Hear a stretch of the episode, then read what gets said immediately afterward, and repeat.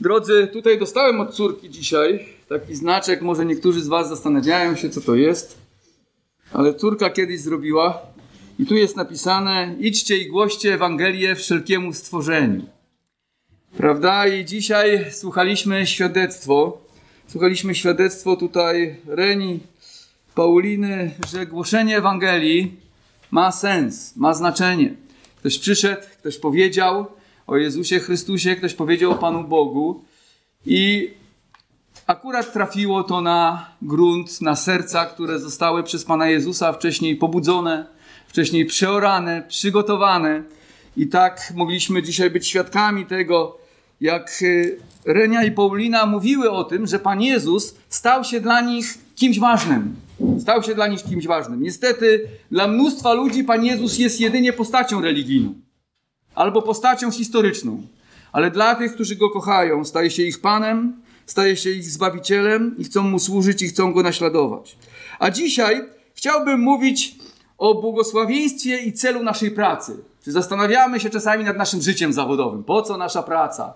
Prawda? Dużo czasu spędzamy w pracy. I chciałbym dzisiaj o tym powiedzieć trochę z Księgi Rodzaju, na podstawie tego fragmentu, który będziemy czytać. Księga Rodzaju, 30 rozdział, 20, od 25 wiersza do 43. Księga Rodzaju, 30 rozdział, od 25 wiersza do 43. I czytamy tak. A gdy Rachela urodziła Józefa, rzekł Jakub do Labana: Zwolnij mnie, abym mógł wrócić na miejsce swoje i do ojczyzny swojej. Daj mi żony moje i dzieci moje, za które ci służyłem, bo chcę odejść. Wiesz przecież, jak ci służyłem. Odpowiedział mu Laban: Jeślim znalazł łaskę u ciebie, zostań u mnie, bo poznałem z wróżby, że Pan błogosławi mi przez wzgląd na ciebie. Potem rzekł: Podaj mi wysokość zapłaty swojej, a dam ci ją. I odpowiedział mu: Ty wiesz, jak ci służyłem i jaki jest dobytek twój dzięki mnie, bo niewiele tego było, co miałeś, zanim ja przyszedłem, a rozmnożyło się obficie i błogosławił ci Pan za każdym krokiem moim. Kiedyż więc mam zacząć dbać o własny dom? A ten rzekł: Cóż wtedy mam ci dać? Odpowiedział Jakub: Nic mi nie dasz, ale jeśli uczynisz to, co powiem, będę nadal pas i strzegł trzody twojej. Obejdę dzisiaj wszystkie trzody twoje i oddzielę z nich wszystkie jagnięta centkowane i łaciate i wszystkie jagnięta czarne między owcami oraz koźlęta łaciate i centkowane między kozami, to będzie moja zapłata. Po jakimś czasie okaże się uczciwość moja, gdy przyjdziesz sam sprawdzić zapłatę moją. Wszystko, co nie będzie centkowane i łaciate między kozami, a czarne między owcami, niech będzie uważane za skradzione przeze mnie. Wtedy rzekł Laban, niech będzie według słowa Twego. I oddzielił tego dnia kozły pręgowane i łaciate i wszystkie kozły centkowane i łaciate, wszystkie, na których było coś białego i wszystkie jagnięta czarne między owcami i oddał je swoim synom i wyznaczył odległość trzech dni drogi między sobą a Jakubem. Jakub zaś pas resztę trzody Labana. Wtedy Jakub wziął świeże pręty z topoli białej, z drzewa migdałowego i z platanów i z platanów i powycinał w nich korze paski, tak, że na prętach ukazały się białe pręgi.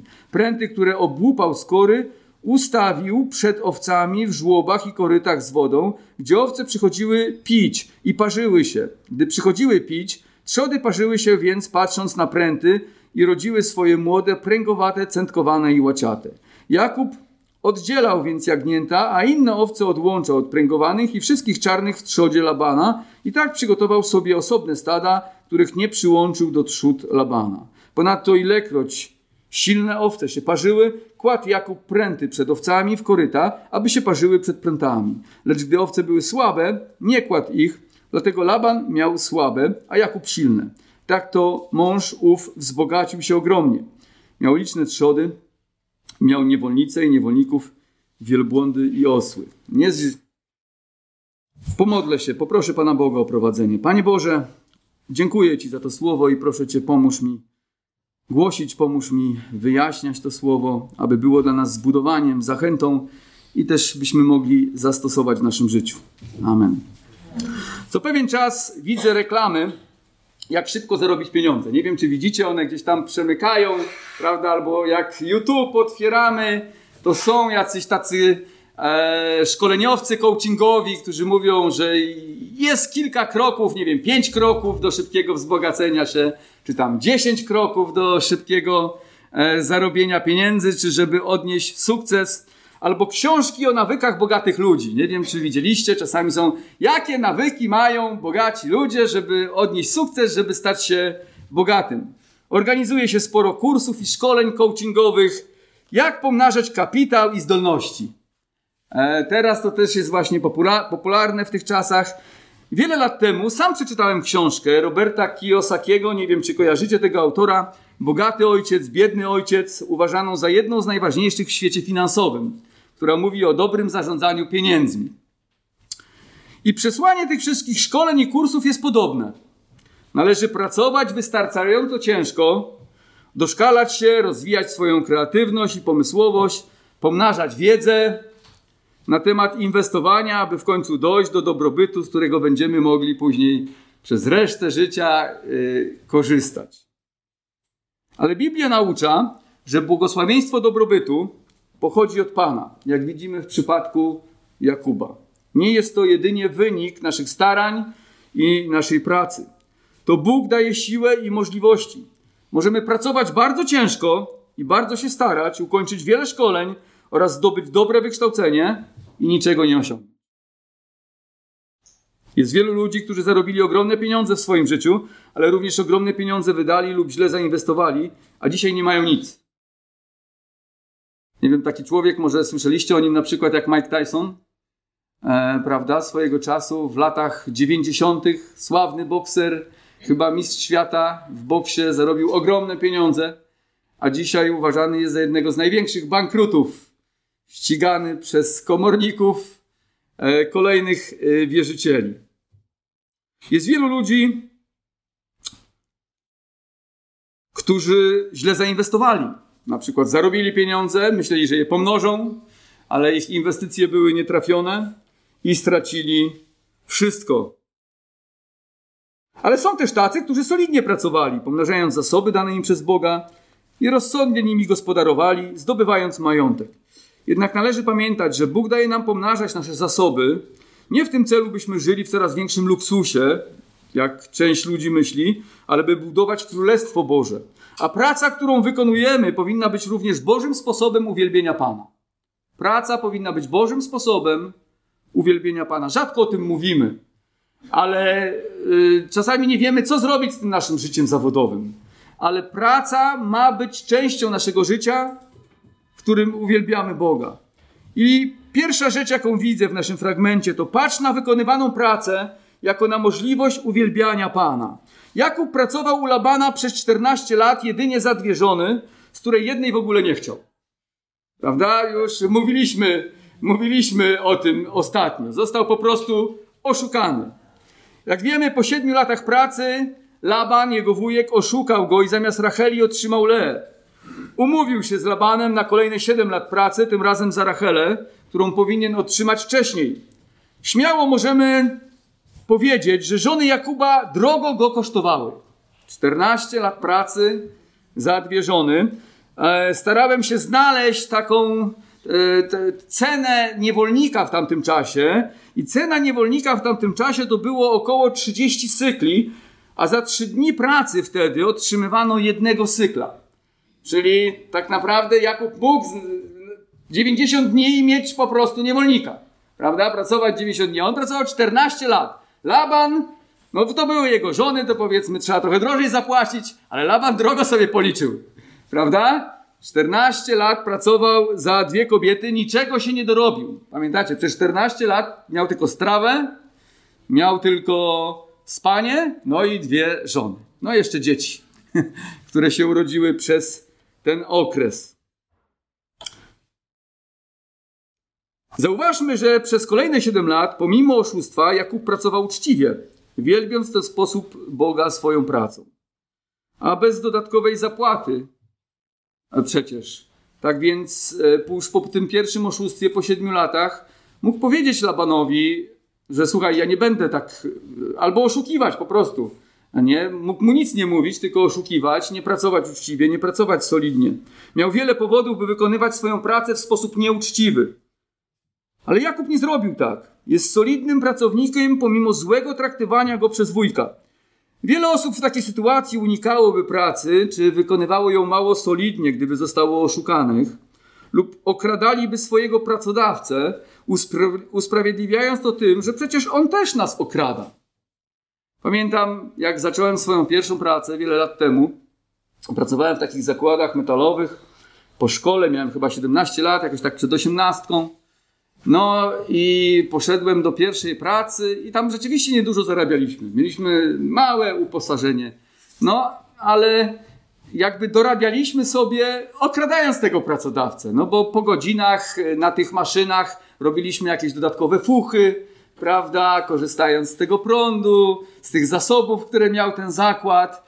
A jak się udało jeszcze coś tam wynieść, prawda, no to też zdarzało się, że nakładliśmy w torbę czegoś, co można było tam wynieść z tego zakładu, a później można było to sprzedać. I zawsze usprawiedliwi, usprawiedliwi, usprawiedliwialiśmy to tym, że przecież mało nam płacą. Mało nam płacą. Jakby nam płacili lepiej, to byśmy tak nie postępowali. Wiemy, że nawet jak płacą dobrze, też ludzie okradają.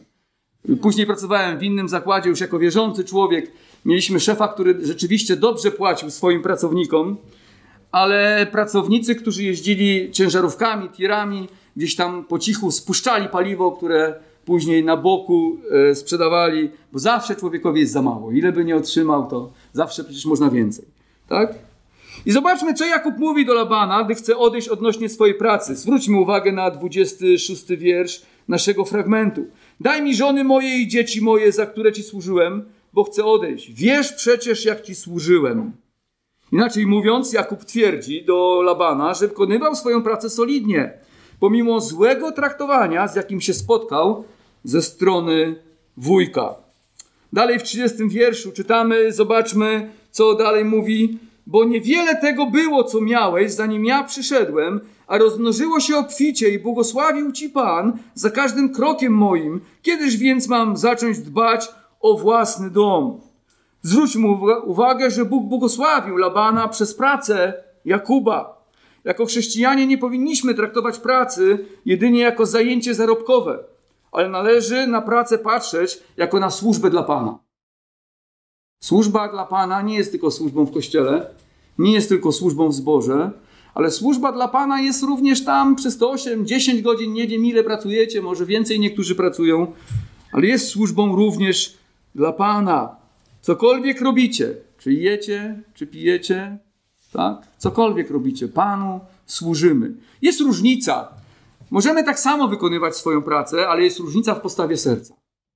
Można pracę wykonywać dla siebie, dla swojej chwały, tak? ale można też pracę wykonywać wdzięczności Panu Bogu, żeby Jego uwielbiać, żeby On był wywyższony przez naszą służbę, przez naszą pracę zawodową. Prawdopodobnie tak patrzył na pracę Jakub, dlatego uczciwie wykonywał swoje obowiązki. Widział również rękę Bożą nad swoim życiem. On mówi, że Pan błogosławił Labanowi za każdym krokiem jego. Niestety, gdy mamy złe, niebiblijne spojrzenie na naszą pracę zawodową, to często z powodu wykonywania jej nie jesteśmy usatysfakcjonowani, czując, że wykonujemy ją bardziej z przymusu niż chęci. I tak było też w moim życiu, jeszcze przed moim nawróceniem.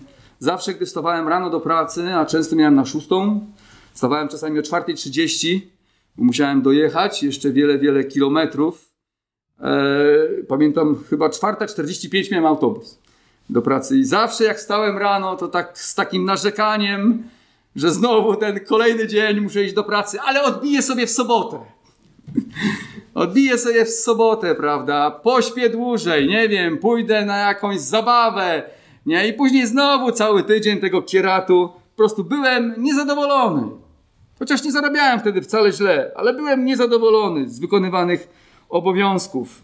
Wynikało to z tego, że nie znałem Pana, nie traktowałem pracy jak możliwości uwielbienia Pana. Biblia uczy nas, że praca to nie tylko pieniądze, jak często wielu na nią patrzy, ale to nasze powołanie od Boga. Praca jest częścią Bożego nakazu. To jest Boże przykazanie dla nas w Księdze Rodzaju.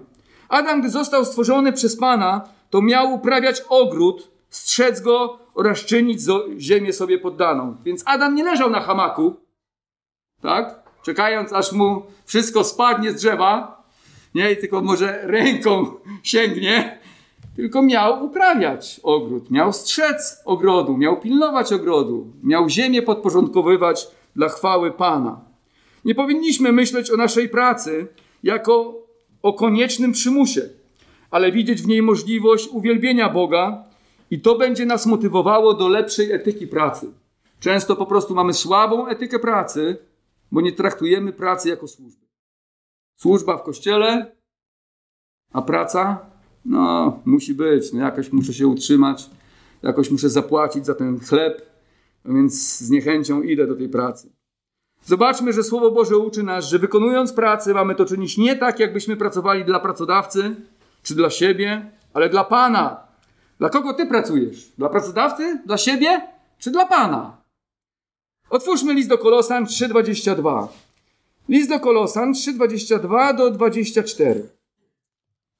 Słudzy, bądźcie posłuszni we wszystkim ziemskim panom, służąc nie tylko pozornie, aby się przypodobać ludziom, lecz w szczerości serca, jako ci, którzy się boją Pana.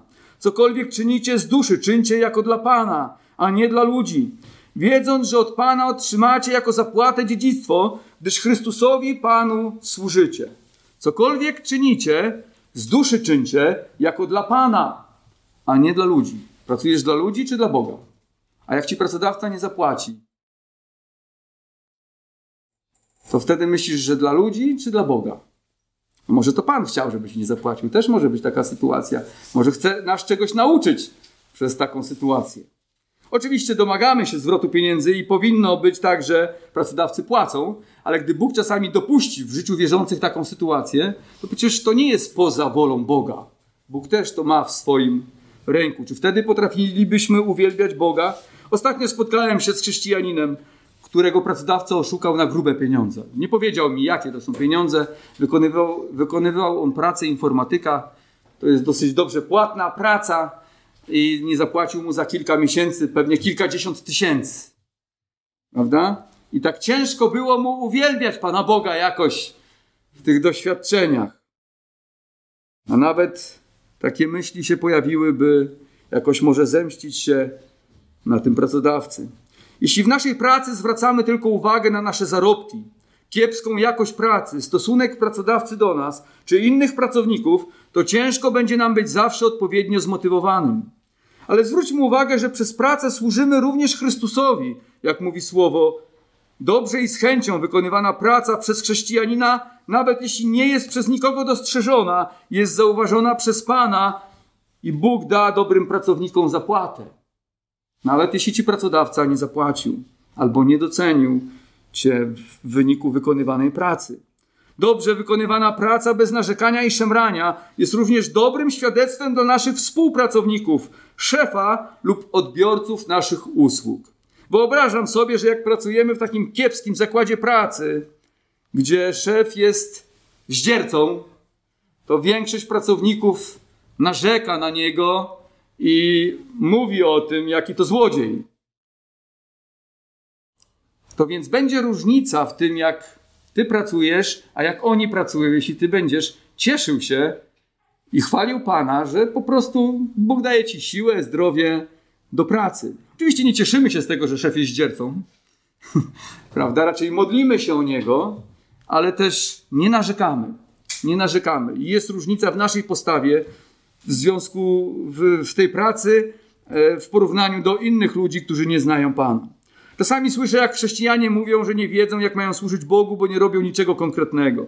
Ale należy zdać sobie sprawę, że służba Bogu nie obejmuje tylko jakiejś konkretnej wykonywanej służby w kościele, ale to całe nasze życie. Praca dla Pana to służenie naszej rodzinie, przez troskę o nich, służba braciom i siostrom w kościele, przez okazywanie praktycznej miłości, modlitwę o nich ich zachęcanie, a także przez dobrze wykonywaną pracę zawodową. Każdy chrześcijanin powinien mieć opinię solidnego, chętnego i zadowolonego pracownika jak Jakub. Czy jesteś solidnym, chętnym i zadowolonym pracownikiem swojej pracy? Jak cię postrzegają twoi e, współpracownicy? Jak cię postrzega twój szef? Że o cokolwiek cię prosi, to ty, e, kolejna rzecz, nie, dajże spokój i znowu awantura, prawda? mamy tendencję narzekać na naszą pracę. Laban doskonale wiedział, ten wujek Jakuba, że ma u siebie jednego z najlepszych pracowników, jakiś kiedykolwiek miał. Jakub o tym mówił i Laban nie sprzeciwił się temu. Wiedział, że Jakub jest dobrym pracownikiem. Najczęściej przez tak wykonywaną pracę otrzymujemy od Pana dodatkowe błogosławieństwo. Jesteśmy wtedy uważani za cennych i solidnych pracowników, których nie trzeba pilnować, bo zawsze starają się wykonywać swoje obowiązki jak najbardziej rzetelnie. Często jest tak, że nawet jak tacy ludzie stracą pracę, to mają dużo większą szansę uzyskać kolejną, bo ich opinia idzie za nimi. Tak? Kiedyś słyszałem o pracodawcy, który zwolnił chrześcijanina, pracownika, dlatego że tamten e, nie chciał przyjść do pracy w niedzielę, bo chciał iść na nabożeństwo i po prostu zwolnił go. Ale jak tamten potrzebował szukać nowej pracy, to wypisał mu najlepsze recenzje, jakie mógł mu wypisać do innej pracy bo wiedział, że to jest solidny człowiek, ale miał zasady. Nie przyszedł do pracy w niedzielę, bo chciał iść na nabożeństwo, ale wiedział, że jest solidnym pracownikiem. I później, jak jego przyjaciel szukał dobrego pracownika, to właśnie polecił jego. Mówi, on jest dobrym pracownikiem. Kolejna rzecz, że dobrobyt pochodzi od Pana i powinien być wykorzystywany do budowania Królestwa Bożego. Widzimy to na przykładzie Jakuba. Jakub umówił się z Labanem na kolejne lata pracy. Pracował 14 lat, ale niczego się nie dorobił. Chciał odejść. Czytamy na początku, a gdy Rachela urodziła Józefa, rzekł Jakub do Labana. Czyli to było krótko po tym, jak Rachela właśnie urodziła. Eee, przy końcówce tego 14 roku Rachela urodziła właśnie Józefa. No i Jakub mówi, no nie ma tu dla mnie przyszłości. 14 lat pracowałem, o własny dom się nawet nie zatroszczyłem niczego się nie dorobiłem, wracam do swojej ziemi, muszę pomyśleć o własnej rodzinie. Ale Laban wiedział, że ma solidnego pracownika i nie chciał go wypuścić. Mówi, że poznał również z wróżby, że Bóg błogosławi mu ze względu na Jakuba. Nie wiemy, jaka to była wróżba, ale widział, jakoś wyraźnie Pan mu pokazał, prawda, że to właśnie ze względu na Jakuba E, ma ten majątek, e, że to Bóg błogosławi Jakubowi. Dlatego, że Jakub jest, to jego majątek się pomnaża. To więc przekonał Jakuba albo prosił go, e, zawarł z nim kolejną umowę, żeby on został. Ale Jakub już nie był taki naiwny jak wcześniej. Wiedział, że Laban to jest trochę taki oszust i trzeba z nim też ostro postępować. I zawarł z nim umowę. Prawda? Obiecał, że będzie pas nadal jego stada, pod warunkiem, że Laban zgodzi się, by każde jagnię centkowane i kozy centkowane oraz łaciate stały się własnością Jakuba. Prośba bratanka wydała się Labanowi atrakcyjną. Zwykle kozy i owce w tej krainie były czarne i ciemnobrązowe, rzadko nakrapiane i łaciate. Więc stada Jakuba po oddzieleniu nie miały szansy być zbyt licznymi. Ale wiemy, że Laban to trochę oszust taki. Tak? Już myślał o tym, jak go jeszcze wykręcić. E, nadto też oddzielenie nakrapianych dawało mniejsze prawdopodobieństwo, że takie będą się rodzić w stadach Labana. To więc już później, jak oddzieli raz, to już nie będzie miał co oddzielać. Prawda? I myślał pewnie wujek Jakuba, że zrobił dobry interes i kolejny raz go wyzyskał. Be, ale będąc chciwym i chcąc, chcąc mieć pewność, że przegra, że nie przegra tego zakładu albo tej umowy, jeszcze tego samego dnia poszedł do swoich stad i wybrał sporo owiec i kus, które należały się Jakubowi. Zobaczcie 35 i 6 wiersz, wers. I oddzielił tego dnia Laban oczywiście kozły pręgowate i łaciate i wszystkie kozy centkowane i łaciate, wszystkie na których było coś białego i wszystkie jagnięta czarne między owcami i oddał je swoim synom.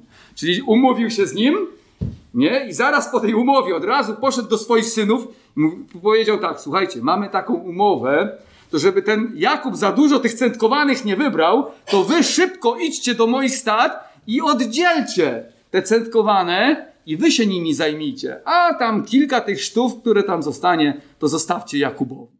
Czyli zobaczcie, jaki cwaniak, jaki oszust, prawda? Już zawiera umowę, już myślał o tym, żeby kolejny raz Jakuba wyzyskać i oszukać.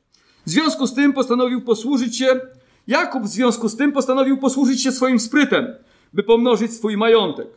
Wdrożył najnowszy program hodowli, który sobie wymyślił lub gdzieś o nim się dowiedział. Nie wiem, czy w jakiejś książce, prawda? Ale no, taki program hodowli tutaj widzimy, że jakiś dziwny wdraża. Nie zalecam praktykować. Wziął świeże patyki z drzewa i powycinał w ich korze paski, tak, że na patykach ukazały się białe pręgi i miały wyglądać jak łaciate. Ustawił Jakub te łaciate kije przed owcami, gdy przychodziły do wodopoju i tam pa parząc się patrzyły na nie. Uważał, że czyniąc w ten sposób sprawi, że owce będą rodzić się centkowane i łaciate. Patrząc na rezultat, wydawało się, że ta dziwna, magiczna metoda jest skuteczna. Zobaczcie werset 39. Trzody patrzyły się więc, patrząc na pręty, i rodziły swoje młode, pręgowate, centkowane i łaciate. A więc to dla niego był znak, że dobry program hodowli. Posłużył się też innymi sztuczkami. Ilekroć parzyły się owce silne, kładł patyki przed nimi w koryta, a nie czynił tak w przypadku owiec słabych, czyli tak jest taka selektywna hodowla. Również i tutaj Jakub uważał, że może pogratulować sobie sprytu, bo wydawało się, że to działa. Faktycznie centkowate rodziły się silne, a inne słabe. 42 wiersz. Lecz gdy owce były, lecz gdy owce były słabe, nie kładł ich, dlatego Laban miał słabe, a Jakub silne. I tak to w ten sposób Jakub doszedł do wielkiego dobrobytu. Wzbogacił się ogromnie. Miał liczne trzody, niewolnice, niewolników, wielbłądy i osły, czytamy w 43 wierszu. Czytając ten tekst może się wydawać, że ciężka praca Jakuba, połączona z jego sprytem i trochę błogosławieństwa Pana dawała wspaniały rezultat. Ale Bóg wyprostował myślenie Jakuba i pokazał mu, że to nie jego szalony plan działa i najnowszy program hodowli daje te wspaniałe rezultaty, ale jedynie Pan sprawił, że kozy i owce rodziły się centkowane i silne w odpowiedzi na oszustwo Lobana. Zobaczmy Księgę Rodzaju 31, 10, 12. Wtedy bowiem, gdy i Jakub mówi do swoich żon: Bóg sam odebrał bydło ojcu waszemu, a dał je mnie. Wtedy bowiem, gdy owce się parzyły, podniosłem oczy i widziałem przez sen. Czyli Bóg pokazał mu to we śnie. Prawda? Dlaczego tak się dzieje? Że oto samce, które pokrywały owce, były pręgowate, centkowate i łaciate. Czyli nawet jak samce białe pokrywały owce albo czarne, to Bóg pokazał, że On sprawił, że tak jakby to centkowane i łaciate pokrywały owce. I wtedy anioł Boży rzekł do mnie we śnie, Jakubie, e, e, no nie będę już dalej czytał, odpowiedziałem, oto ja, tak? A, dobrze, jeszcze dwunasty. On zaś rzekł, podnieś oczy i zobacz, że wszystkie samce, które pokrywają owce są pręgowate, centkowane i łaciate. Widziałem bowiem wszystko, co ci czyni Laban. Tak więc widzimy, że to nie ten szalony plan Jakuba działa, chociaż tak mógł myśleć na początku, że wymyślił jakiś nowy sposób hodowli, teraz będzie mógł napisać książkę i dzielić się tym, sprzedawać to, prawda? Czasami są takie książki, nie? Że komuś coś wychodzi, prawda? Napisał, akurat jemu wyszło, no i teraz wszyscy myślą, że im też wyjdzie. No ale im nie działa, nie? A dlaczego działało? No bo widzimy, że to Pan sprawił. To nie Jakub sprawił przez swoją zapobiegliwość, ale to Pan sprawił. To więc to nie gałęzie Jakuba i jego ciężka praca sprawiały, że mu się szczęściło, ale Bóg czuwał nad rozwojem jego biznesu. Większość ludzi myśli, nawet część chrześcijan, że to ich wysiłek daje im sukces. Uważają, że jak będą dostatecznie ciężko pracować i będą odpowiednio zapobiegliwi, to w końcu dorobią się majątku. Niektórzy też polegają na jakichś rzekomo wyjątkowych metodach, książkach, programach. Podobnie jak Jakub mogą uważać, że ich system jest skuteczny, bo przynosi pożądane rezultaty. Ale takie przekonanie jest błędne. Buduje naszą pychę i pozbawia nas wdzięczności należnej Bogu oraz daje nam fałszywy obraz naszego dobrobytu. Pan pokazał Jakubowi, że to za jego sprawą pomnaża się jego majątek, a nie rzekomo cudownych metod i przeczytanych książek. Oczywiście pewnie żadnej nie przeczytał, bo wtedy nie było, ale też chodzi o to, że nikt jakby się podzielił z nim tą radą, bo nie wiemy skąd on znał te wycinanie tam na tych patykach tych pręgów, to nie dzięki temu to się dzieje. Tak? Oczywiście nasza praca ma znaczenie, bez niej też niczego nie osiągniemy i dobre działania organizacyjne mogą usprawnić ją, ale bez błogosławieństwa Boga wszelkie nasze wysiłki są skazane na porażkę. Mówiłem już na początku, że jest wielu ludzi uczciwych i solidnych i pracuje bardzo ciężko i niczego się nie dorobili. A może nawet jeszcze stracili. Jakiś czas temu widziałem na Facebooku, ktoś udostępnił taki post odnośnie mojej znajomej, starszej pani, która została okradziona na kilkadziesiąt tysięcy przez jakichś domokrążców, prawda, którzy proponowali sprzedaż tam jakichś garków. W tym czasie, kiedy jeden reklamował, drugi wszedł do domu, splądrował mieszkanie i okradł ją. To była uczciwa kobieta, która pracowała. Została niestety okradziona. Bez Boga wszelkie nasze wysiłki są skazane na porażkę. W psalmie 127, w pierwszym i drugim wierszu czytamy Jeśli Pan domu nie zbuduje, próżno trudzą się ci, którzy go budują. Jeśli Pan nie strzeże miasta, daremnie czuwa stróż. Daremnie wcześnie rano wstajecie i późno się kładziecie, spożywając chleb w troskach, wszak On i we śnie obdarza umiłowanego swego. Jeśli Pan domu nie zbuduje, próżno trudzą się ci, którzy go budują. Może dlatego czasami nie wychodzą nasze przedsięwzięcia zawodowe, bo nie poddaliśmy ich Panu Bogu. Biblia uczy, że na próżno się staramy, jeśli Bóg nie toczy, nie otoczy nas ochroną i nie strzeże naszego życia, nawet jeśli ciężko pracujemy, wstając z samego rana, a kładąc się późno wieczorem. Gdy Izrael miał wejść do ziemi obiecanej po 40 latach tułaczki po pustyni, to Pan powiedział do nich w ten sposób. Księga Powtórzonego Prawa 8:17. Abyś nie mówił w swoim sercu, moja moc i siła mojej ręki zdobiła mi to bogactwo. Pamiętaj, że to Pan Bóg Twój daje Ci siłę do zdobywania bogactwa, aby potwierdzić swoje przymierze, które poprzysiąg Twoim ojcom, jak się to dziś okazuje. Warte zauważenia jest to, że na ustach możemy twierdzić, że wszystko, co mamy, pochodzi od Pana, ale w swoich sercach możemy uważać, że jest to naszą zasługą. Zobaczcie, Bóg powiedział: Pamiętaj, abyś nie mówił w swoim sercu. Na ustach możemy mówić, że no, Pan mi dał wszystko. Ale co mówimy w naszych sercach? Bóg zna to, co jest w moim sercu, a nie to, co jest na ustach. Bo na ustach możemy gadać, no od Boga wszystko otrzymałem. Ale czy w sercu wiesz, że otrzymałeś wszystko od Boga? Czy jesteś Mu wdzięczny? Abyś nie mówił w swoim sercu, ja to zdobyłem. Powinniśmy wiedzieć również, że dobrobyt, który daje nam Bóg, nie jest tylko dla naszej radości, ale każdy chrześcijanin jest jedynie szafarzem lub inaczej zarządcą tego, co od Boga otrzymujemy. Nagi wyszedłem z łona matki mojej i nagi wrócę. Nic nie zabierzemy z tego świata.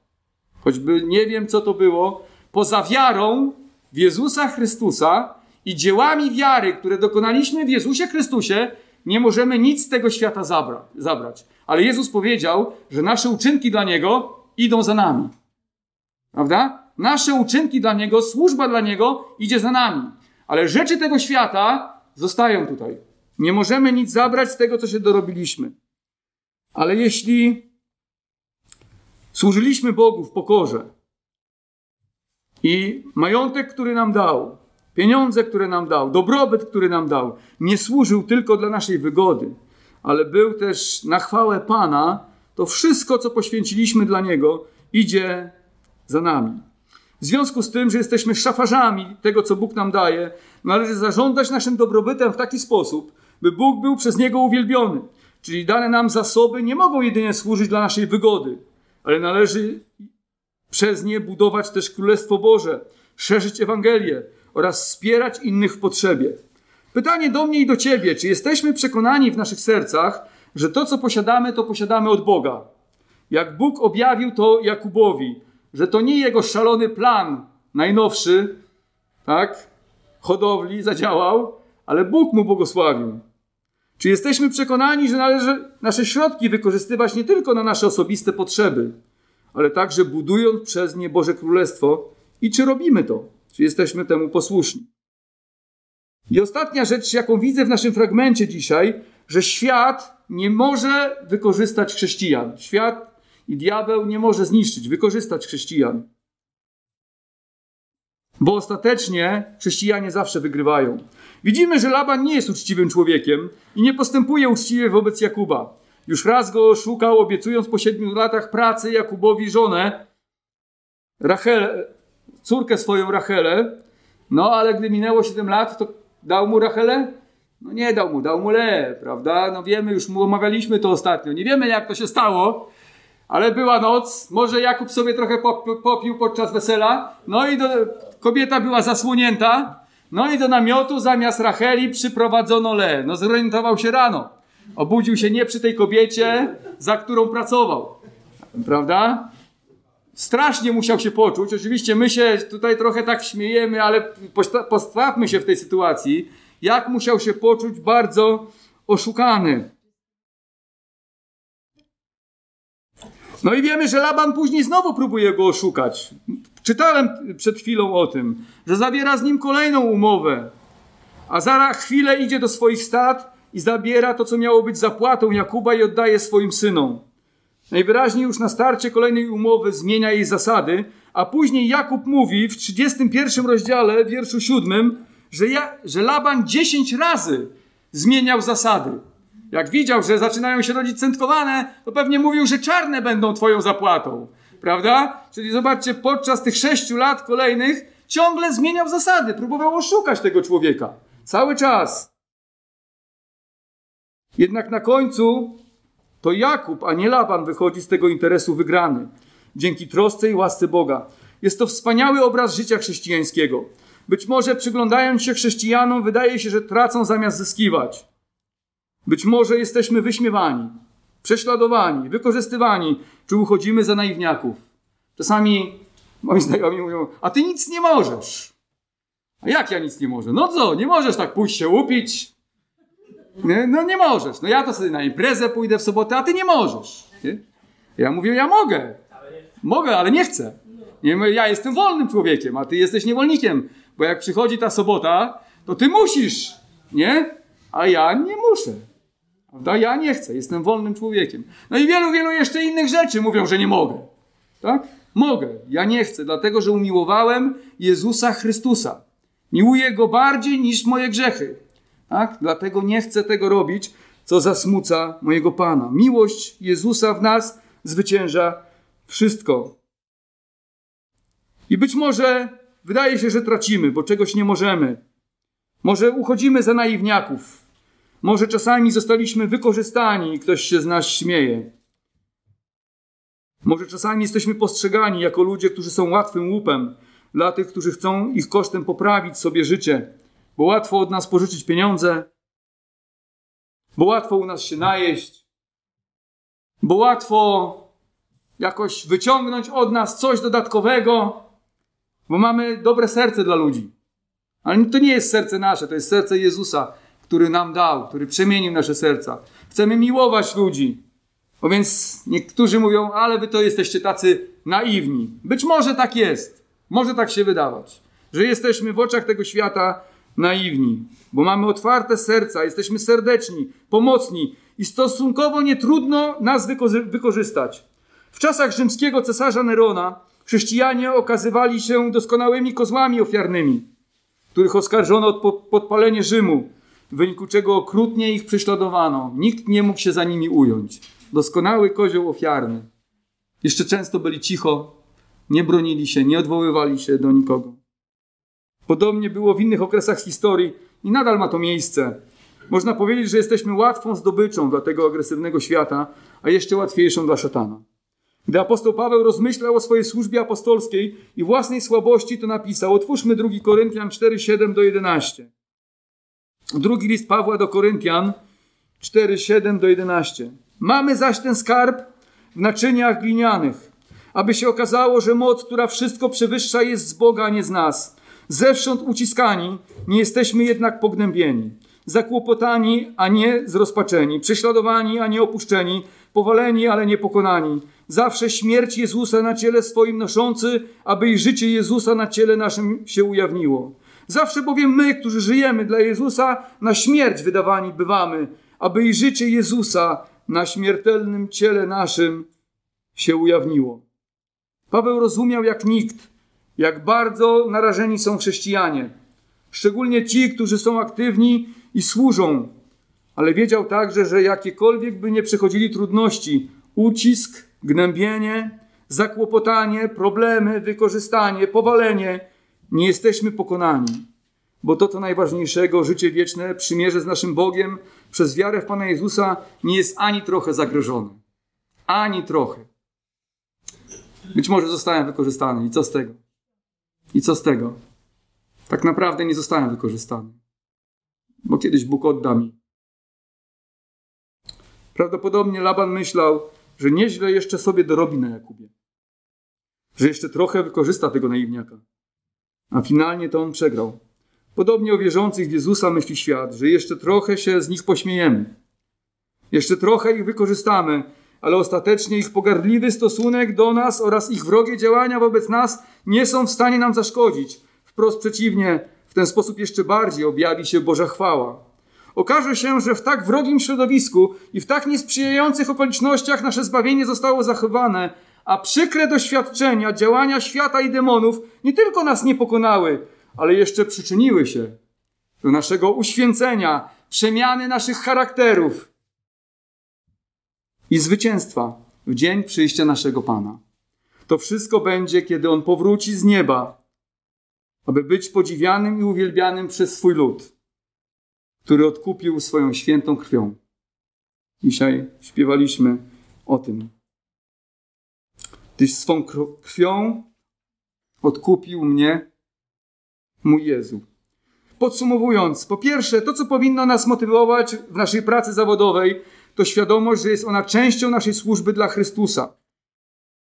Możliwość, daje to możliwość dzielenia się świadectwem, kiedy wykonujemy ją dobrze. W ten sposób uwielbiamy naszego Pana, bo pracujemy przede wszystkim dla Pana, a nie dla człowieka. Jak długo będziemy zbyt mocno skupieni na zarobkach, pracodawcy, atmosferze w pracy i tym podobnych rzeczach, tak długo będziemy mieli powody do niezadowolenia i narzekania. Po drugie, dobrobyt z pracy, jaką wykonujemy, nie pochodzi z naszych zdolności, ale błogosławieństwa Bożego i Panu należy się dziękczynienie za wszystko, co posiadamy. Dobra, które nam daje, nie są tylko dla naszego szczęścia, ale także po to, by budować Jego królestwo. Jakub obiecał, że będzie błogosławił Pana swoimi darami, jeśli zobaczy, że Bóg naprawdę się o niego troszczy. Należy sobie zbierać skarby w niebie, a nie tylko na ziemi. Stąd nic nie zabierzemy.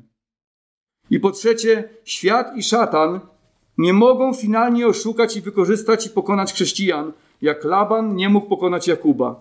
Tak naprawdę przez wszystkie doświadczenia, które przechodzimy, wykorzystanie, prześladowania, wyśmiania, zwyciężamy, bo nasze zbawienie jest bezpieczne u naszego Boga. Amen.